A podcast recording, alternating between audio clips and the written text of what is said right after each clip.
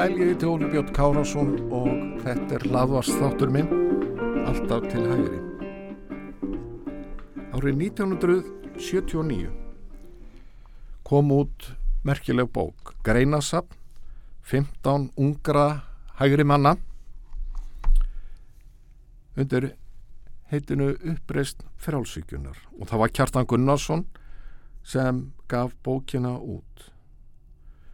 Henni var ætlað að vera þáttaka í hugmyndabaróttu samtímans, baróttu milli stjórnlindis og ríkisíkju annarsvegar og sjálfstæðis og frjálsíkju hinsvegar. Höfundar bókana eiga það allir sameigilegt, sagði í engangi, að vera sjálfstæðismenn og hafa allir gengt margvíslegum trúnaðarstörfum fyrir sjálfstæðisflokkin undan farin ár. Öðru leiti eru þeirri margt ólíkir. Leiðir þeirra hafa ekki alltaf leiðið saman á vettvangi flokksins.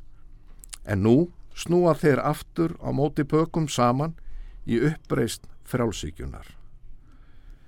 Og í engangi tekur Kjartan Gunnarsson það fram að rétt sé að árétta að hver og einn sé ábyrgur fyrir eigin framlægi og verður með engum móti bundin að því sem náungin segir kjósi hann það ekki. Höfundarnir eru menn með mjög mismunandi mentun og stund á ólík störf. Í hópnum eru sagfræðingar, lögfræðingar, kennarar, hagfræðingar, viðskiptafræðingar og arkitekt. Allt ungt fólk. Og störfin er ekki síður fjölbreytileg. Stjórnmólamenn, frangotastjórar, háskólakennarar, bladamenn, sjálfstæðir aturreikundur og embætismenn. Hjartan segir að hér sé á ferðinu hópur manna sem á þá skoðun sameigilega að um of sé að frelsi manna kreft og sívaksandi ríkisíkju og ofinber afskipti muni leiða til ófarnaðar ef ekki verður spynt kröftulega við.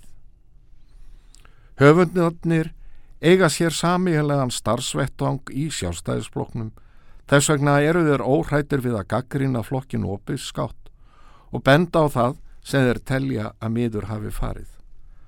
Allar tillugur þeirra og starf miðar að því að gera sjálfstæðisflokkina völdur í fjöldarhefingu fólks í landinu sem berst gegn bákninu.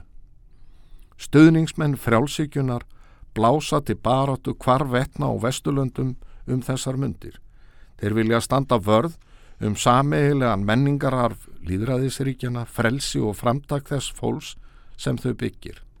Þessa baróttu mega Íslendingar ekki láta framhjá sér fara og það mega menn vita að skamt er í glötun þjóðfrelsisins þegar einstaklingsfrelsið er glatað. En svo ég saði á þann að þá voru þetta 15 einstaklingar sem að skrifuðu í uppreist frálsíkjunar um ímis mál. Höfundarnir voru Bessi Jóhannsdóttir, Jón Steinar Gunnlaugsson, Baldur Guðlaugsson, Erna Ragnarsdóttir, Hannes Holmsteitt Gissurásson, Haldur Blöndal, Jón Ásbergsson, Pétur Jóð Eiríksson, Fridrik Sófusson, Geir Háa Horti, Þór Væti, Davíð Ótsson, Þráin Eggjarsson, Björn Bjarnason og Þorsteit Pálsson. Ég ætla að aðeins að glukka í tvær eða þrjár af þessum ryttgerðum sem þarna byrtust. Þessi bók uppreist frálsvíkjunar hafði mikil áhrif meðal úns fólks þegar hún kom út og enn getur hún reynst góð í hugmyndabaróttu dagsins í dag. Ég ætla að byrja á því að vittna örstuðt í Davíð Oddsson en hann skrifaði undir fyrirsögninni sjálfstæðisblokkurinn og træðu lögmálið. Í lokreinarinnar, segir Davíð, sjálfstæðismenn hljóta í framtíðin að krefjast samvirkarar fórustu. Ekki verður lengur þólað að yfirmenn skútunar stefni ekki allir í sömu átt. Þess verður krafist að fórustumenn okkar verði meiri stjórnmálamenn og minni embættismenn en þeir hafa verið. Og Davíð heldur áfram, en þótt menn gerir allar þessa kröfur til annara og sennilega miklu fleiri, má ekki gleima að gera kröfur til sjálfsins. Við megum ekki aðeins býða og sjá og kenna öðrum um ef illa tekst til. Við verðum saminuð að vinna að því að rétta hlut flokksins, svo að hann verði færum að endurheimta stöðu sína og tiltrú á íslensku þjóðlífi. Við verðum að skilja að kenninginum að sjálfstæðisflokkurum verði að sitja í stjórn hvað sem tautar og raular er kæftæði. Við hljótum að gera þá kröfu að ekki verði gengið til stjórnarsamstarfs nema afloknum kostningum þar sem þingstyrkur okkar ætti að aukast og eflast. Og Davíð bætir við, verður þau skiliði sett sanga þeirri efnaðarstefnu sem flokkurinn hefur nýlega saminast um, endurreist í anda frjálsíkju, mun flokkurinn aðalast aftur tröst fólksins í landinu og ekki síður hitt að hann mun endurheimta sjálfströst sitt á ný.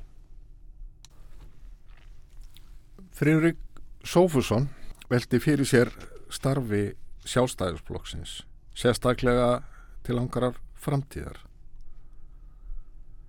Og hann týndi til nokkur atriði sem hann taldi mikilvægt að flokkurinn gömgjafiði vel. Fyrst, flokkurinn, þar að segja sjálfstæðisflokkurinn, verður að endur skoða afstöðu sína til verkalýs hreyfingarinnar unga fólksins.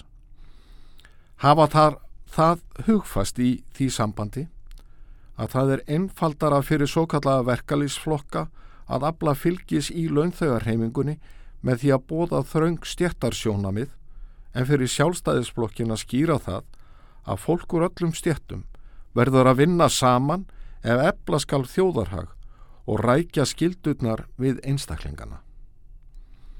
Afstáða sjálfstæðisflokksins og viðfemur grunnur hans krefst, viðtak samrás, áður en endaleg stefna er mörguð. Undanfærin ár hafa umsif launþega samtakana í landinu stórlega vaksið og áhrif fórustumanna þeirra í stjórnmálum eru gríðaleg.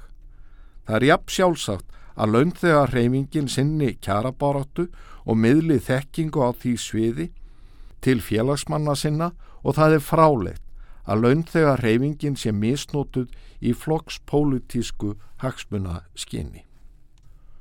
Og stöttu síðar skrifaði Fredrik afstáða unga fólksins, nýra og væntalega kjósenda til stjórnmálaflokka ræður úslitum um það hvort er eiga einhverja framtíð fyrir sér. Sjálfstæðisflokkurinn verður í miklu meira mæli en áður að sinna þessum þætti. Gera verður ungum sjálfstæðismönnum kleift að tengjast ungu fólki með því móti sem breyttir tímar krefjast. Friðrik Sófsson heldur því fram að það hafi verið veikleiki sjálfstæðisflokksins að halla sér fremur að embætismannakerfinu þegar hann er í stjórn en að vinna að helbyrðri stefnumörkun innan flokksins. Hann slær ekki ósvipaðan tón og Davíð Ottsson og ég vitnaði til hér áðan. Friðrik segir árangur sjálfstæðisflokksins í framtíðinni veldur meðal annars á því hann verði reyfingfóls úr öllum stjættum í landinu, ekki stopnun sem sækir allt sitt við til embætismanna sem eru umfram allt sérfræðingar í að halda völdum og lifa af stjórnarskipti. Málefna nefnda kerfi flokksins hefur brugðist að nokkur leiti, bæði vegna þess að sambandi við þingflokkin hefur í mólum og vegna þess að málefna nefndir taka oft aðeins tillit til þraungra sérhagsmuna sjónameða. Það er gott að fá fram viðþorf hagsmuna samtaka atunlífsins en til þess að marka flokkstefnu verður að samræma mismunandi sjónamið og raða verkefnum í forgangsröð á grundvelli sjálfstæðis stefnunar. Og nokkru síðar hittir hann að mál að flokkurinn hefur lagt svo mikla áherslu og almenn efnahagsmál að mikilvægir þættir í stefnunni hafa orðið hortaregur. Þannig örlar varla og skýrir í stefnu í sömum greinum félags- og menningarmála. Það sem erfitt er að koma fyrir markaðslagmólinu og meta verðmætin til fjár. Frjálsíkjuvakning síðustu missera hefur þó aukið skilning á gildi frelsis og óbeitna og almennara aðgerða við úrleysnir á þessum málaflokkum sem öðrum. Friðrik benti á að eitt brínasta verkefni í stefnumörkunastarfi flokksins sé að breyta hinn um ytra búningi stefnu yfirlýsingana um leið og þær eru gerðar beinskeittari. Hér eru um að ræða margþætt vandamál skrifa Friðrik sem annars vegar varðar efnistök og hins vegar efni. Til að endurheimta tiltrú frjálsuga Íslendinga á sjálfstæðisbloknum verðum við að skýra hvert við viljum halda með einstökun dæmum á hlutrænan hátt. Hvorki þóku kjandar yfirlýsingar ný hátilegt hagfræði orðalag náti fólks utan raða hinn að áhugasömu. Efnahagstefnan sem mörgu var í upphafi þessa árs, þar að segja 1979, undir kjörorðinu endurreysni anda frjálsíkju er ánægilegur framfaravotur en í henni var teki verulegt tillit til sjónamiða ungra sjálfstæðismanna undanfarin ár eins og þau byrtust meðal annars undir kjörorðinu báknið burt. Og friðrik heldur áfram. Minkandi ríkisafskipti, meiri valdreifingu og auki rástugunaréttur einstaklinga og tekjum þeirra eru stefnuatriði sem hafa aldrei átt jafn mikinn hljómgrunn með að líðraði sjóða og nú. Til að tryggja framgang slíkra stefnum við það verður flokkurinn að nefna einstök dæmi um lausnir fyrir kostningar, annars verða hugmyndirnar drefnar af þrýstuhópum eftir kostningar, þannig að alltaf er setið í sama farinu. Útbreðsla og áróður er án efa veikasta hlið flokksins og sá þáttur endurreysna starfsins sem leigið hefur í láginni. Engin stjórnmálaflokkur hefur efna á því til lengdar að láta eins og nútíma áráðustækni komunum ekki við.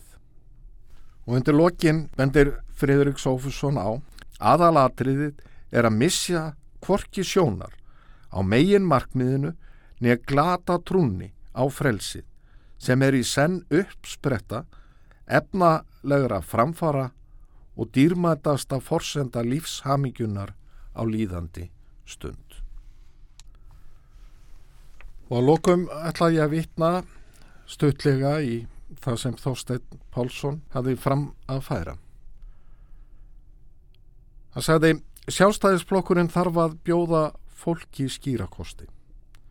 Þegar hann kemst í valda er ekki nóg að draga úr hraðanum á leið þjóðarinnar til sósialismans. Sjálfstæðisblokkurinn þarf að geta sín að hann getur snúi við blaðinu. Kjósendur styðja flokka sem trúa á eigin málstað. Málamiðluna ríkistjórnir hljóta því ávalt að veikja sjálfstæðisblokkin.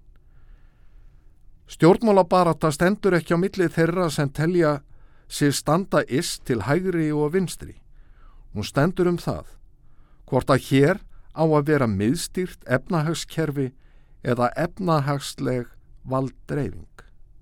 Sjálfstæðisblokkurum verður að samfara kjósöndur um það hvorum megin hann stendur í þeirri baráttu. Og þá við fram skemmtilegt dæmi um sjötaga endurreysnar áallun sem ég ætla ekki að fara yfir hér en í lokin segir hann að endurreist sjálfstæðisflokksins verði hvort vekki senna byggjast á efnahagslegum og síðferðilegum grundvelli. Ríkið verður að ala önn fyrir þeim borgurum sem sannarlega geta ekki gert það sjálfur. En okkur er að samaskapi skilt að standa vörðum frelsi þeirra sem eru færir um að sjá um sig sjálfur. Við getum aldrei kæft að hvoru tvekja í senn, fullir í jöfnun, þar að segja sama árangri fyrir alla, og jöfnum möguleikum. Það er heldur ekki takmark okkar. Algjör jöfnun fyrir ekki saman við frelsið því meir sem ríkið tekur af borgurunum í skatta til þess að menta börn þeirra og ala upp, hýsa þá og jáfnvel fæða, því meir dregur það úr sjálfsfyrðingu þeirra og grefur undan þeirri grundvallar stóð þjóðlífsins sem sér hver ábyrg fjölskylda er. Það er ekki hlutverk sjálfstæðisflokksins að stjórna ríkisreknu skömmtunakerfi betur en stjórnlindis flokkanir. Við höfum að gefa fólki kost á að fara leið frjálsíkunar.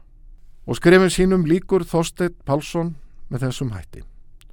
Sú gaggrinni sem ég hef sett fram á framkvæmt sjálfstæði stefnunar væri ekki þess virði að færa hann í letur ef sjálfstæðisflokkurinn væri ekki eina vonin sá farvegur sem umbóta öll frjálsíkjunar geta enn nýtt til þess að brjótast fram í. Svo mörg voru þau orð.